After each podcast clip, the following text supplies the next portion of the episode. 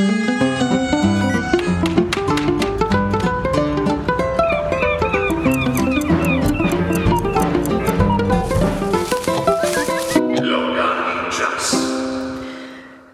Danes se bomo iz Ljubljane odpravili v smeri proti morju, ampak ne, ne gremo na tanko k morju, ampak se bomo ustavili malo prej. Tudi majhne občine se lahko pohvalijo z velikimi zanimivostmi. Kaj ne, Sabrina Mulec, dobro jutro. Dobro jutro. Ja, temu lahko seveda samo pritrdim. Odpeljali se bomo proti krajem, ki se ponašajo z UNESCO svetovno dediščino, s škocijanskimi jamami in proti divači, kjer je pred 116 leti na svet privekala slovita Itarina in kjer domuje muzej slovenskih filmskih igralcev. Ja, naš kraten novo domačijo so ponosni, ampak danes ne bova obiskali nobene od teh dveh zanimivosti oziroma znamenitosti, ki jo naši poslušalci gotovo dobro poznajo. Obiskali pa bova tiste bolj skrite bisrčke občin Divača in Hrpelje Kozina. Ja, in prav zaradi tega bo najn današnji potep malce bolj skrivnosten. Potepali se bova po podzemlju, po divaški jami, se spustili v rudnik črnega premoga v Vremski dolini, pokukali v najstarejšo srednjeveško mitnico v Sloveniji v Senožečah in se za konec povzpeli še na gornjo Lintverjevo pot v Rudiku. Kaj predlagaš, kje začneva? Začniva v eni od 20 turističnih jam v Sloveniji, v Divaški jami. Konec 19. stoletja se jo je odkril Gregor Žibrna, ki je z besedami: Fantje, pridite dol, v Ameriki smo, eh, v njen skrivnostni svet povabil še svoje kolege. Dolga leta je bila potem zapuščena, saj so jo pred Prvo svetovno vojno želeli urediti in so na njene poti in stezice eh, posuli okrog 100 kubičnih metrov leša, jama pa je posledično počrnela. Usoda do nje ni bila nič kaj prijazna, niti med italijansko in nemško okupacijo, takrat je doživljala številne pretrese, med drugim so zaminirali njen vhod, no stvari pa so se obrnile na bolje, ko so konec 80-ih let prejšnjega stoletja za njo začeli skrbeti domači jamari. Predsednik jamarskega društva Gregor Žibrna Divača Borut Lozej. Od leta 2000 naprej smo začeli čistiti ta les, končno, in uh, v 20 letih ga dejansko uspeli očistiti tudi s pomočjo uh, evropskih sredstev. Občina Jamarskemu društvu zelo stoji tudi ob strani pri tem sofinanciranju in pa seveda vse, kar zaslužimo z vodenjem, potem vlagamo v infrastrukturo. Tako da trenutno smo na tem, da je jama v bistvu v celoti očiščena oprana, eh, pol jame osvetljene, trenutno pripravljamo projekt osvetlitve v tem drugem delu. V letošnjem letu smo zunaj uspeli urediti zidove okrog te vrtače pri jami, tako da se že počasi ureja okolico, no z občino Divača smo pa tudi uspeli na razpisu za sredstva za izgradnjo turistične infrastrukture na teh manjših turističnih objektih in uh, zdaj naj bi v dveh letih zgradili tudi en manjši sprejemni center ne, in ko bo to storjeno, bo jama omogočila nek spodoben obisk. Jama je dolga 700 metrov, je kapniško zelo bogata, velika jama, gre za fosilni rov reke. In pa seveda tale divaški prah, lahko rečemo, obkrožajo številni kraški pojavi, ki so povezani s temi ponori reke, to so številne udorne doline oziroma jame. In uh, tudi okrog divače je speljana učna pot, divaški kras, kjer lahko te pojave širše spoznavamo. No, jama ni preveč globoka in je primerna za vse obiskovalce, ki jih gotovo očara z zanimivim in pisanim kapneškim bogatstvom. Poletje je odprta vsak dan, no sedaj pa se je treba za obisk dogovoriti vnaprej z jamari. Mogoče je to dober namig za izlet ob kakšnem sivem dnevu in um, ko smo že pri izletih, kam zavijeva zdaj Sabrina iz Divače, bova ostali kar pod zemljo? Bova. Si vedela, da so še ne tako dolgo nazaj v Vremski dolini delovali trije rudniki črnega premoga v Famljah, Zavrhku in v Škofljah. Tega pa priznam, res nisem vedela. V katerega se bova spustili? No, odpravili se bova kar v Famlje, kjer prizadevni člani društva Urbanščica ohranjajo naravno in kulturno dediščino. Objekti nekdanjega rudnika so upisani na seznam nepremične kulturne dediščine. S pomočjo občine Divača so pred kratkim obnovili enega od njih, dobili so večnamensko dvorano in ostale uporabne prostore, v njem pa so uredili tudi majhen, a zanimiv muzej, ki ga stalno dopolnjujejo. Gerem Franetič. Od potomcev eh, rudarjev ali pa še živečih smo dobili določene eksponate, zunaj objekta pa so še določene ostaline, recimo se vidi, kje je vhod v rudniški jašek, potem se vidi separirnico, kjer se je odvajalo črni premog od jalovine. In še nekaj drugih objektov ter informacijska tabla. Premog so kopali do leta 1964, ko so ugotovili, da je radioaktiven. Ohranilo pa se je veliko spominov na težaško delo, kopali so namreč leže ali čepe. Sloj tega rudnika so bili zelo oski, recimo od 50 cm do 2 metrov. Je bil pa to črni premog. Črni premog je eden najbolj kvalitetnih premogov, ki je dajal tudi 7900 in nekaj kalorij. In zato se je pa uporabljal bolj za industrijske namene. Recimo za rafinorijo v reki, ne, za pogajanje kurjenje lokomotiv, za kurjenje industrijskih obratih, obrtniki so ga uporabljali, kovači.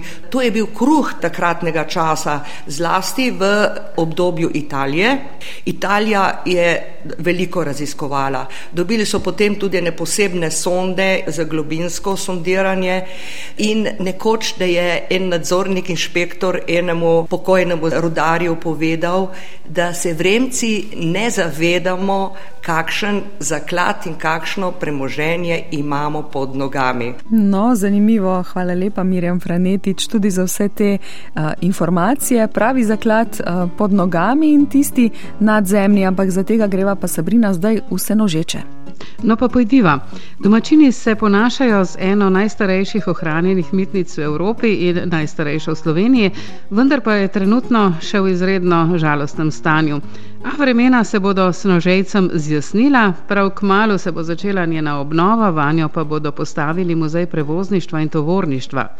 Skrbnica projekta Anu Kahuna, občina Divača, pravi, da je zelo pomembno, da jo ohranimo da ohranimo v bistvu ta kolektivni spomin srednjeveške kmečke trgovine in seveda, da ohranimo tudi bistven element identitete tega prostora. Mitnica ni samo en skupek kamenja, je v bistvu zapisana, lahko rečemo, v krvi snožejcev. Če rečemo, da je škratelnova domačija identitetni simbol divače, je zagotovo mitnica identitetni simbol senožeč. In z obnovo same mitnice, to se pravi z vzpostavitvijo muzeja prevozništva in tovorništva v tem objektu, se nadejamo, da bomo tudi revitalizirali ta kraj in mu v bistvu povrnili tisto staro zgodovinsko vrednost um, enega takega živahnega um, manjšega mesteca. Partner v projektu je Goriški muzej. Tako da oni imajo ogromno izkušenj s postavitvijo muzejskih zbirk. Najprej se bo naredila celotna zgodovinska analiza tistega obdobja, to se pravi, da bodo res tisti eksponati, ki kažejo in so strokovno utemeljeni. Nekako se planira, da bo v sami mitnici šest razstavnih prostorov v treh etažah. Tako da, kaj točno pa bo notri, bomo pa skozi to se pravi eno tako strokovno zgodovinsko analizo in pa seveda v sodelovanju s partnerji pri, v projektu zastavili skozi sam projekt. No, poleg mitnice bodo obnovili še Kotlerjevo hišo, v kateri bo manjši lokal, kjer bodo zbrani predmeti, ki so jih eh, hranili domačini in bodo pripovedovali o zgodovini kraja ter opozarjali, kako naj živimo v sedanjosti in prihodnosti. Ja, in kot si mi povedala, Sabrina, so lani v Senožečah obeleževali tudi 200-letnico pivovarne Adrija. V obdobju, ko so primorski med obima vojnama vladali italijani, so jo fašisti menda pustili namenoma propadati in propasti, ker je varila boljše pivo pivo od tržaškega drejerja. Ja, zgodovina ima večkrat čudna pota in stran poti, ki si jih ne znamo razložiti. No, kaj pa se dogaja v naravi, ko grmi in bliska, pa v poplavah in ostalih vremenskih katastrofah so včasih ugibali tudi naši daljni, daljni predniki.